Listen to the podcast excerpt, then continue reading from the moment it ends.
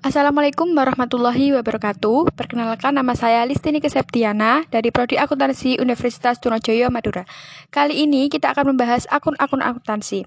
Akun atau perkiraan adalah suatu formulir yang digunakan sebagai tempat mencatat transaksi keuangan yang sejenis dan dapat mengubah komposisi harta, kewajiban, dan modal perusahaan. Secara umum, akun dapat dibedakan menjadi dua kelompok, yaitu akun real adalah akun yang dilaporkan dalam neraca Saldo akun terbawa dari satu periode ke periode berikutnya.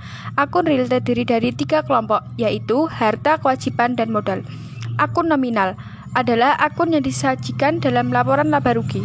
Akun nominal terdiri dari dua kelompok, yaitu pendapatan dan beban. Penggolongan akun secara lebih rinci adalah sebagai berikut.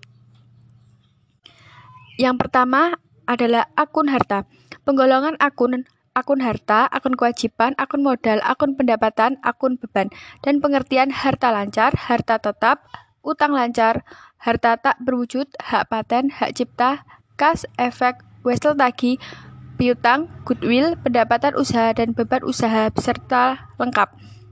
Kas, efek. Harta atau aktiva adalah sumber ekonomis yang juga meliputi biaya-biaya yang terjadi akibat transaksi sebelumnya dan mempunyai manfaat pada masa yang akan datang. Harta merupakan jumlah kekayaan yang dimiliki perusahaan untuk menjalankan usahanya. Harta dapat dikelompokkan atas kelancaran, likuiditas, yaitu harta lancar, investasi jangka panjang, harta tetap, harta tidak berwujud, dan harta-harta lainnya. Yang termasuk harta lancar adalah sebagai berikut. 1. Kas 2. Surat-surat berharga 3. Wesel tagih 4. Piutang 5. Persediaan barang dagang 6. Perlengkapan 7. Beban dibayar di muka yang berikutnya adalah pernyataan atau investasi, adalah investasi jangka panjang dalam bentuk saham, obligasi, dan surat berharga lainnya. Yang kedua adalah harta tetap. Harta terwujud yang digunakan untuk operasi perusahaan dan mempunyai masa manfaat lebih dari satu tahun, seperti tanah, bangunan, mesin-mesin, dan peralatan.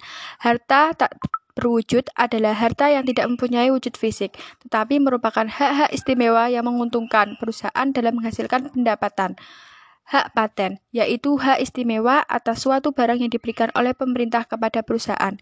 Hak cipta, yaitu hak karena menciptakan sesuatu yang diberikan oleh perusahaan kepada perusahaan. Goodwill, yaitu nama baik perusahaan yang melekat pada perusahaan itu sendiri. Akun yang kedua adalah kewajiban. Kewajiban adalah pengorbanan ekonomis yang harus dilakukan oleh perusahaan pada masa yang akan datang sebagai akibat kegiatan usaha. Kewajiban ini dibedakan atas utang lancar dan utang jangka panjang. Utang lancar adalah kewajiban yang harus dilunasi dalam jangka waktu kurang dari satu tahun.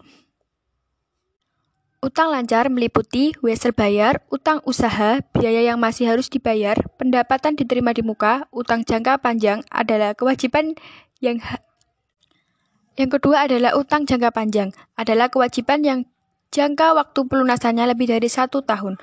Utang ini timbul karena pelunasan perusahaan untuk membeli peralatan-peralatan baru atau mesin-mesin baru yang termasuk utang jangka panjang antara lain utang bank, utang hipotek, utang obligasi, dan utang lain-lain.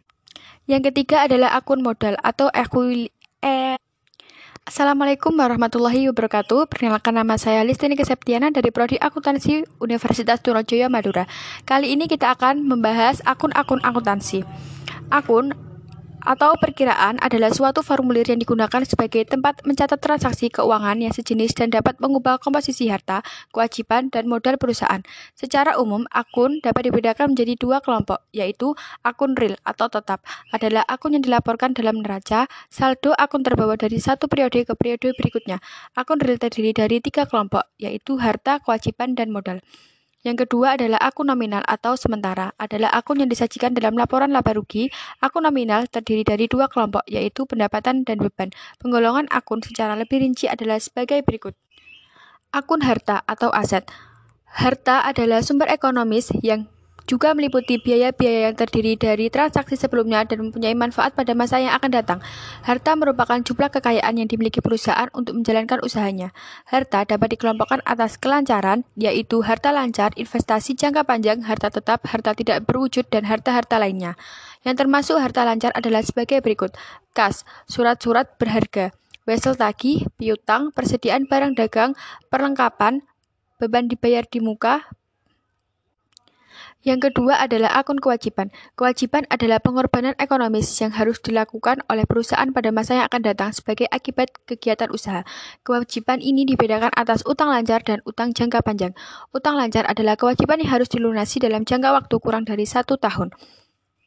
Utang lancar meliputi wesel bayar, utang usaha, biaya yang harus dibayar, pendapatan diterima di muka. Utang jangka panjang adalah kewajiban yang jangka waktu pelunasannya lebih dari satu tahun. Utang, utang ini timbul karena pelunasan perusahaan untuk membeli peralatan-peralatan baru atau mesin-mesin baru, yang termasuk utang jangka panjang antara lain utang bank, utang hipotek, dan utang obligasi. Yang ketiga adalah akun modal. Akun modal pada perusahaan perseorangan disertai nama pemilik, sedangkan akuntansi modal pada perusahaan Sedangkan akuntansi modal pada persekutuan disertai dengan nama sekutu. Pada perusahaan perseorangan terbatas, akuntansi modal disebut dengan modal saham. Yang keempat adalah akun pendapatan. Pendapatan dibedakan atas pendapatan usaha, yaitu pendapatan yang berhubungan langsung dengan kegiatan usaha, dan pendapatan di luar usaha, yaitu pendapatan yang tidak berhubungan langsung dengan kegiatan usaha. Misalnya, sebuah perusahaan dagang menyewakan sebagian ruang yang tidak dipakai untuk kegiatan usaha pihak lain. Yang kelima adalah akun beban. Beban dapat dibedakan atas beban usaha, yaitu pengorbanan yang langsung berhubungan dengan kegiatan usaha, dan beban lain-lain, yaitu pengorbanan yang tidak langsung berhubungan dengan kegiatan pokok usaha. Misalnya beban bunga yang dibayar oleh perusahaan pada suatu tempat atas pinjaman yang diperoleh dari bank.